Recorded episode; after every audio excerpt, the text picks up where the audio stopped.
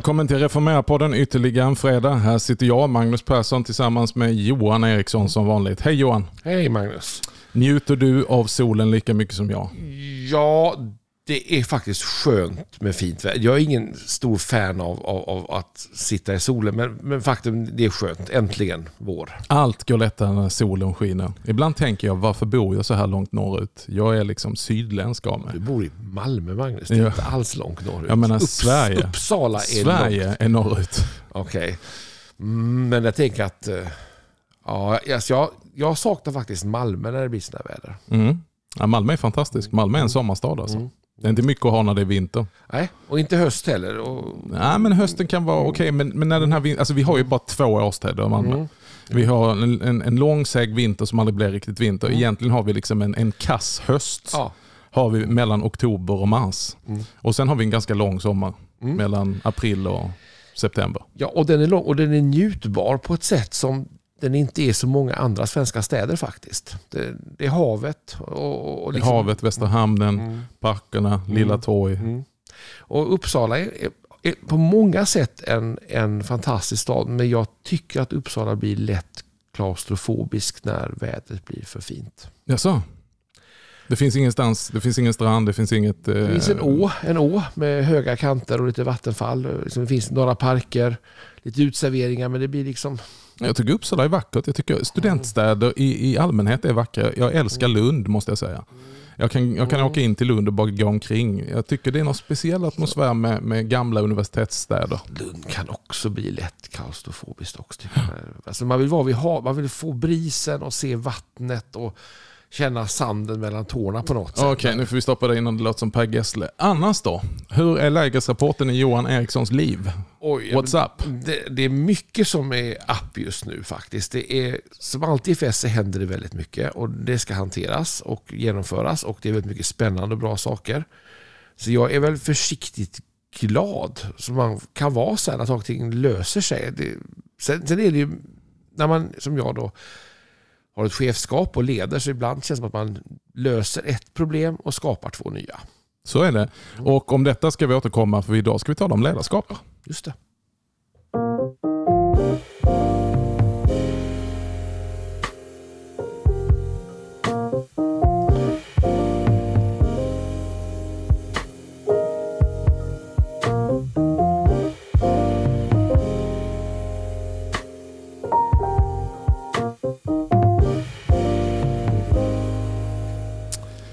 Ledarskap och då primärt ledarskap i en kyrklig kontext, i en kristen kontext. Det där är ett svårt ord Johan. Det debatteras ofta. Inte sällan så får vi bevis på dåligt ledarskap i kyrkan. Men jag tänker också att bristen på ledarskap är precis lika stort problem som... Alltså dåligt ledarskap har ju två sidor. Mm.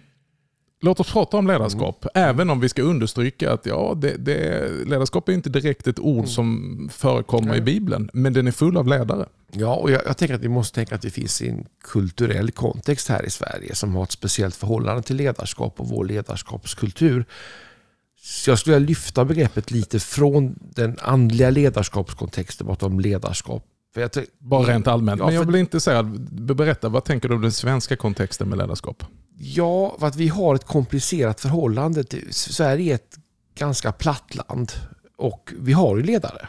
Och vi måste, man måste, men, det, är väldigt, det kan bli fult att vara ledare. Ja, men det där är dubbelt Johan, för jag tänker att vi har den, jag håller med, vi har en image av att vi är väldigt platta. Men det, det, i verkligheten så är det ju väldigt mycket tydliga ledare. Få länder som är demokratiska har ju haft så starka eh, statsministrar till exempel som har varit så länge, länge, länge. Och, och, och varit liksom en man som nästan symboliserat landet. Men det, det tycker jag är väldigt svenskt. Jag tänker mycket på han Jan Karlsson, den här berömde SAS-vdn. SAS-Janne, Ja, SAS-Janne. Han pratar om den upp och nervända pyramiden. riv pyramiderna, Ja. hette hans Och jag, ledarskapsbok. vet, och, och jag har levt mycket med hans filosofi och där är det ju väldigt tydligt att du får en känsla att det är den här breda basen, alla ska med, alla ska tycka. Men sanningen är att det egentligen är som bestämmer. Mm, utveckla. När jag jobbade för några år sedan med en, en ganska berömd eller känd journalist från SVT då, som pratar mycket om det här med ledarskap i, i public management och inte minst i public service. Så han pratar mycket om den här förmågan att eh, få alla att tro att de var med och tog besluten. Konsten att ta besluten i förväg. Ja, du menar manipulativt? Att man, man Ja. gav dem en känsla att vara med, Exakt. men egentligen hade de ingenting att säga till om. Nej, precis. För det, där, det svenska rivna pyramiden, i worst case scenario så blir den bara en manipulation där du faktiskt tror att du har men du har inte det. Du lever bara i... Och Det är det värsta exemplet på, på ledarskap och managementutbildningar och sådana här populära ledarskapsböcker. Att det är bara en massa tekniker om hur du ska säga och hur du ska vrida saker för att få folk att köpa någonting som de egentligen kanske inte... Ja, och få dig att tro att du har varit med och tagit beslutet själv och måste vara lojal mot det. Och, och, och det. Jag förstår en del av dem, men jag tänker att den här rivna pyramiden, det platta ledarskapets baksida, det är att ge utrymme för det manipulativa ledarskapet. Mm, det blir ett informellt ledarskap Mm. istället för ett formellt. Mm. För Fördelen med ett formellt ledarskap är att då får du också formellt bära ansvaret och du vet vad du har och eh, förhålla dig till.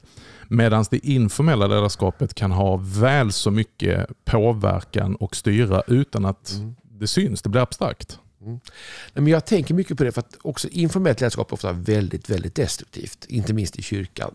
Men ibland är det också av nöden tvunget. För om det formella ledarskapet är inkompetent på något sätt Mm. så kan det informella vara räddningen. Men det kan också vara att ett för manipulativt ledarskap faktiskt skapar också utrymme för ett informellt ledarskap. Därför att man är otydlig. Men om man säger så här, börjar egentligen inte allt ledarskap med informellt ledarskap? Jag tänker att ledare är du innan du har positionen. Ledare är inte bara någonting man gör, det är någonting man gör, men det är också någonting man är. Och Jag tänker att det är en ledares uppgift att identifiera olika informella ledare som har inflytande och sedan bemyndiga, utrusta, ge utrymme. Ja. Jag håller delvis med. Jag, jag tänker mycket på lumpen faktiskt. Nu tillhör jag den generationen som fick göra svensk militärtjänst. Värnplikt. Värnplikt 12 månader, flygvapnet. Och jag tänker mycket på gröntjänsten av den delen när man skulle då ut och leda en pluton. Då, eh, killar i sin egen ålder som inte hade någon lust att ta order eller lyda. Fick en uppgift, ibland en massa material, lastbil och sen skulle det bara hända. Och jag tänkte att få en grupp personer som inte har någon mänsklig anledning att vilja göra som du säger. Att göra det för att du har fått uppgiften att lösa det här. De, Mm. du, de är nödvändiga för det. Eh, det var väldigt nyttigt faktiskt. Det, Mm. det lär en väldigt mycket om en själv. Mm. Men också av de man ska leda. Och Mm. de tekniker man utvecklade, de bär jag delvis med mig. För det handlar också om att en ledare måste kunna gå före, Mm. visa vägen. Mm. En ledare måste kunna vara generös, måste kunna vara transparent. Mm. Det går inte att peka med hela handen och skrika gör som jag säger Pelle, det funkar inte. Eh, Sen Pelle är större och starkare än dig så är det definitivt fel metod att använda. Utan då finns det andra sätt. Men att falla in i det manipulativa, som är det andra diket tror jag, då, då binder du på dig en ryggsäck som förr eller senare kommer bli för tung eller du bygger en bubbla som exploderar. Utan det handlar om att faktiskt med som säger, ledarskap få människor att förstå att nu gör vi den här uppgiften tillsammans. Mm. Och min uppgift är att leda dig. Det Mm. gör mig inte till en bättre människa, Mm. men det gör mig till din ledare för stunden. Men, men ledarskap det, det, det är mångbottnat för att det är ett samlingsnamn på väldigt många olika nivåer. Alltså du kan vara ledare i form av en lärare. Många ledare är egentligen lärare. Mm. Det vill säga att de, de talar och de, de försöker liksom undervisa andra om hur man ska göra uppgifter. Andra ledare är arbetsledare. Man, man leder bara arbetet och försöker strukturera. Men vad jag tänker vi har ett enormt behov av i kyrkan det är entreprenöriska ledare. Det vill säga som inte primärt löser problem och leder arbete utan egentligen skapar arbete. Och då tänker jag att där kommer det här med förebild. För jag skulle säga att den starkaste tänker jag, markören för en ledare för mig är att du är en förebild. Mm. Jag tänker att Bibeln talar mycket om ledares karaktärer. Mm. Alltså Bibeln lägger, när Bibeln talar om det lägger enormt fokus på karaktär. Mm. Och jag tänker att det är också det som gör att du vill följa en ledare, att den personen är värd att följa. Mm. Det är någon att lita på helt Mm. enkelt. Och det du, de frukter den personen har i sitt liv, de vill jag se i mitt eget liv. Mm. Men här ska vi problematisera det då lite för det finns ju gott om frumma människor som har en fin karaktär. Men det blir ju ändå inte så mycket gjort.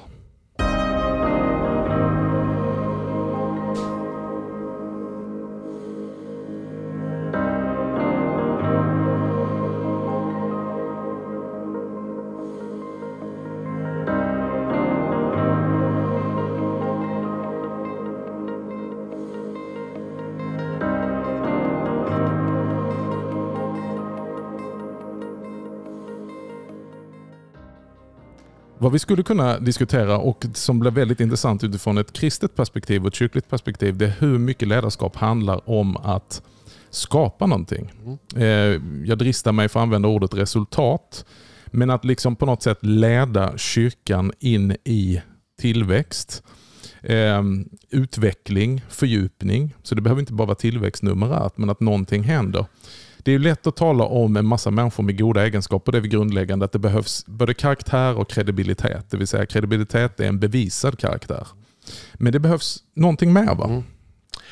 Men jag tänker att ofta är det vi har mycket brist på. För kyrkan tycker jag ändå är full av lärare. Mm. Den är full också på många sätt av bra förebilder. Men det här liksom action, eller rock'n'roll som en del säger, det har vi brist på.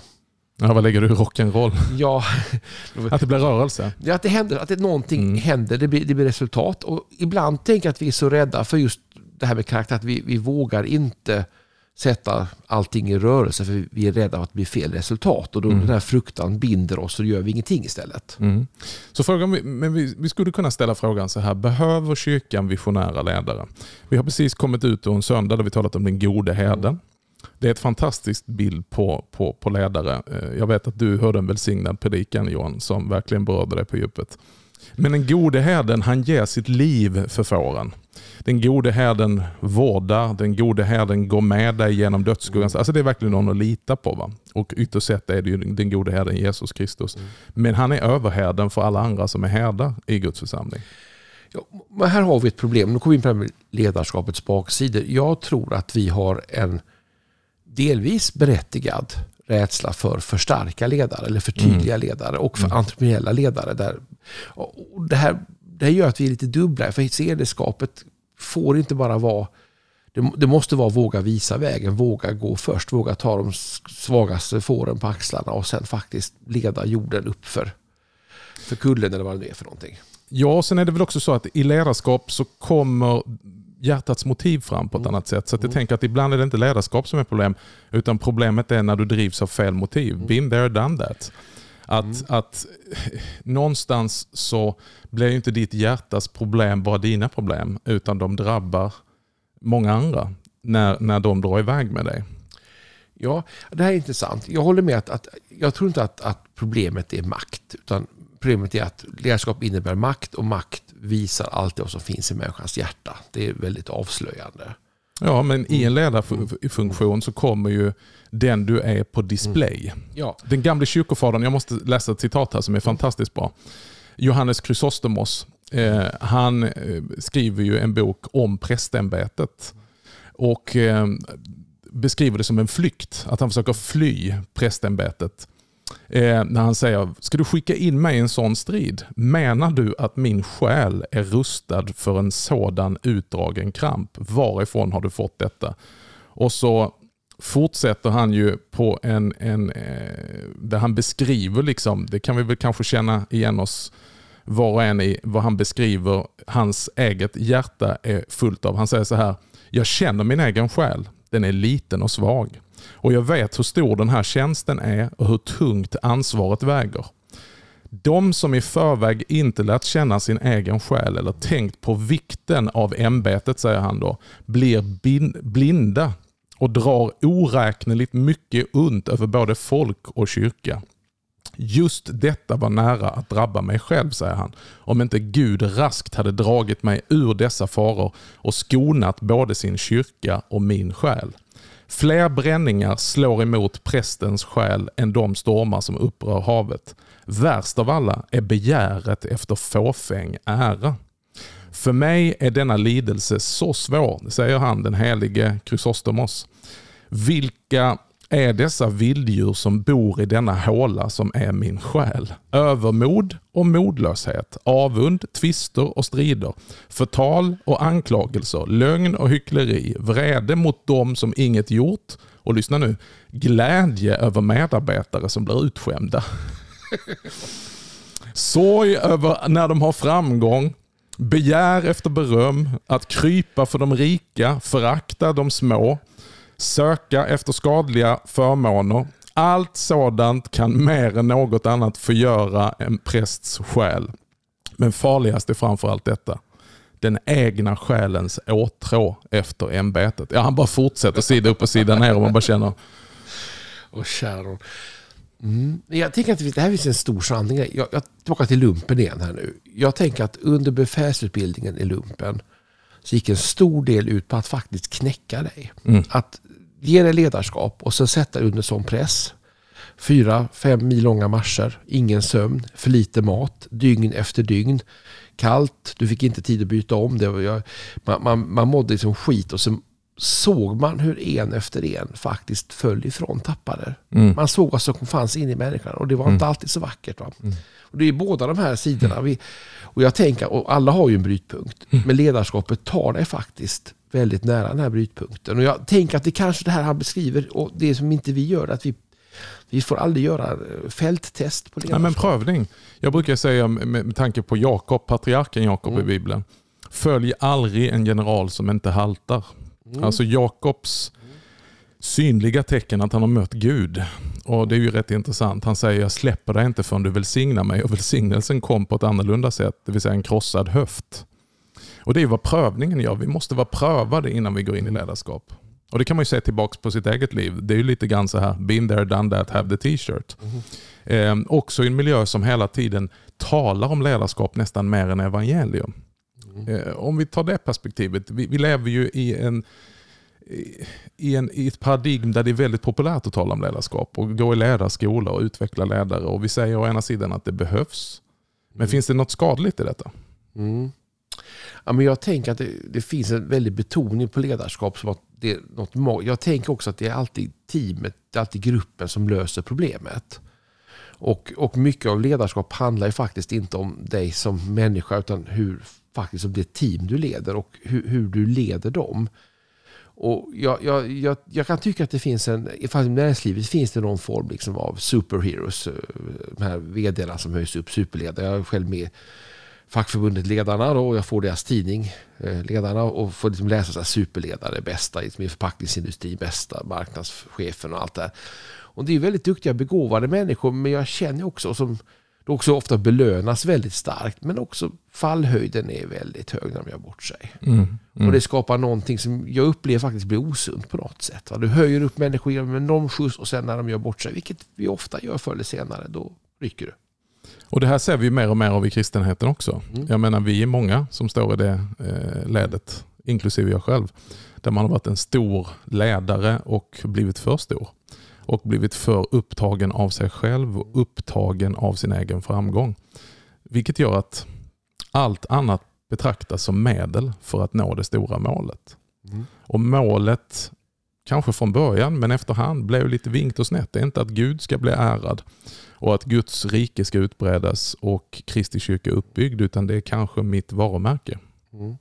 Men, men också en växelverkan faktiskt mellan de vad säger jag nu, styrelser som tillsätter ledare. De som ledaren leder. Och det här du beskriver nu, att det, man kan inte bara peka med handen säga att det är ledarens fel, utan det är en växelverkan där man får de felaktiga motiven och förväntningarna samverka på något sätt. Ja, men vi har ett kulturproblem helt enkelt. Där vi gärna vill ha en hero. Vi mm. vill ha en hjälte. Mm. Vi vill ha en frälsare. Det är inget nytt. Det är ju mänsklighetens dilemma sedan långt bak i tiden att vi vill ha en eh, som är, eh, istället för frälsaren, en Hosianna, kom och hjälp oss. Mm. Och, och, där man då kanske också sätter ibland målen först. Och så är det ofta i näringslivet, bara du når resultat så har du carte blanche på att bete dig hur du vill egentligen. Ja, men sen, vi kan nog med, med facit i hand också säga att först är det upp, upp, upp, upp, upp och sen är det ner, ner, ner, ner, ner. Alltså den dramaturgin finns nog i varje ledare som har hamnat på en sån upp på en piedestal och från piedestalen så kommer ditt fall bli stort. Då tänker jag mycket på, och det hinner vi inte prata klart om idag, men vad säger Bibeln om det här? Jag tänker mycket på det.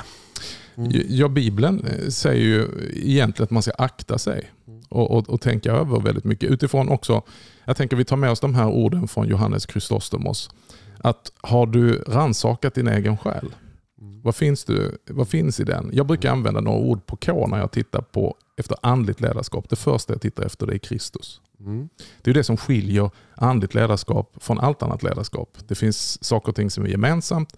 Men det som är unikt är, kan jag se tecken på Kristus i den här? Kristus Gudlikheten, Kristuskunskapens väldoft, är det, är det, alltså vad hjärtat är fullt av, det talar munnen. Där din skatt är, där kommer ditt hjärta att vara. Är det här en person som har hjärtat hos Kristus? Det andra som vi har nämnt, och du behöver inte gå vidare in på det självklart, det är karaktär. Men så finns det ett tredje unikt som har med kyrkan att göra, det är kallelse. Är den, här är den här människan driven av en inre kallelse och är den kallelsen bekräftad i det yttre? Finns det kapacitet? Alltså kompetens brukar folk tala om. Men vadå kompetens? Det behöver vi hela tiden förkovra oss i. Kompetens kan man ge vem som helst. Men frågan är, är den här människan som har kapacitet att ta till sig kompetens? Kemi inte, annan, inte helt, alltså du vet, det kan finnas otroligt kompetenta människor med kapacitet och kallelse, men de har ingen kemi och då kan man inte jobba ihop. Eh, kultur ett annat ord. Vad sprider och bygger den här personen för någon typ av kultur? Vilken kultur är man bärare av? Det finns jättemycket vi skulle Konflikthantering ett annat ord på K. Mm. Hur hantera, för är det någonstans som our true colors shine through så är det i konflikt. Vad händer när det hettar till? Hur hanterar den här personen konflikt? Egentligen vill jag gärna se en människa i en konfliktsituation innan man ger dem för stort ansvar. Commitment, alltså finns det ett långsiktighet? Är det här en hoppjärka som bara hoppar från karriärsplanerare eller finns det en långsiktighet? Och sist men inte minst, ett farligt ord men som ändå det finns någonting med det, det är karisma. Mm. Det vill säga förmågan att engagera, beröra, skapa entusiasm. Och kanske just det här sista kanske är det vi allra, inte svårast, men mest rädda för ska jag säga. Ja, det finns mycket naturligtvis. Det här är bara ord. Mm. Men det krävs ju ett avsnitt till för att djupdyka i detta. Men eh, några frågor då Johan. Är kyrkan i en ledarskapskris tycker du? Ja, jag tycker det. Jag, jag, jag ser två stora faror. Det är att kyrkan har, delvis har vi det här, eh, alltså ledarskapet som bygger på att du blir vald, att du måste manipulera för att det är den här platta pyramiden. Du, du, du är beroende av att alla andra röstar på dig på något sätt. Ja, du måste kampanja liksom. Ja, det är som ett öråd i Robinson. Mm. Du åker ut om du gör fel så du måste alltid stå väl. Och då blir du manipulativ. Att du, pakter. Kan, det blir pakter. Ja, och du kan inte vara vän med alla. Alltså ledarskap innebär att ta tuffa beslut. Mm. Och därför måste också ledningen alltid backa en ledare. Och, när inte det, och det ser kyrkan att det sätts ur spel. Då får vi det här problemet. Det andra som jag ser stora problemet det är bristen på entreprenörskap. Vi, vi mm. hyllar så mycket förvaltare, förvaltare herdar, lärare. Och det är jättebra för de behövs också. Men, men, och, och, och, och lite har man sett kanske negativa exempel på superentreprenörer som har tagit i lite för hårt. Och sen blir det en obalans. Ja, man får säga, det är ju inte istället för Johan. Det är, mm. det är inte det du menar heller. Nej. Nu ska vi inte ha härdar. För, för, för härden mm. är ju den bilden. Ja. Ibland så kanske vi har gjort härden lite väl mjäkig. Herden är ju en av de modigaste som finns om vi ska ta utifrån Bibeln. Han sätter sitt eget liv på spel. Mm. Han ställer sig mellan fåren och vargen. Nej, men jag tänker att du måste ha både och. Alltså, jag tror att ett, en sund växande kyrka, för kyrkan ska vara växande, det är vårt uppdrag.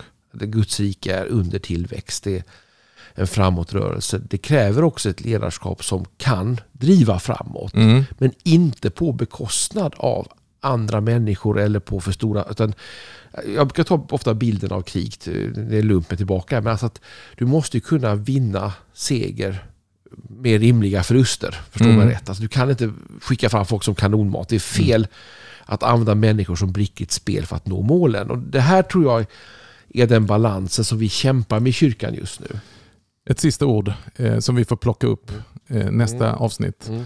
Någon sa till mig så här en gång. Magnus, du kommer aldrig att kunna korrigera det du inte vågar konfrontera. Det ringar in ledarskapskris för mig. Där vi är så rädda för att bli icke omtyckta att vi inte vågar konfrontera och utmana det som är fel. Och då kan vi inte heller korrigera. Mycket bra. Vi måste fortsätta prata om det här nästa vecka. Så är det bara. Det här var inte klart. Vi blir ett avsnitt till om ledarskap. Ja, minst säger jag. Ja. Så vi landar.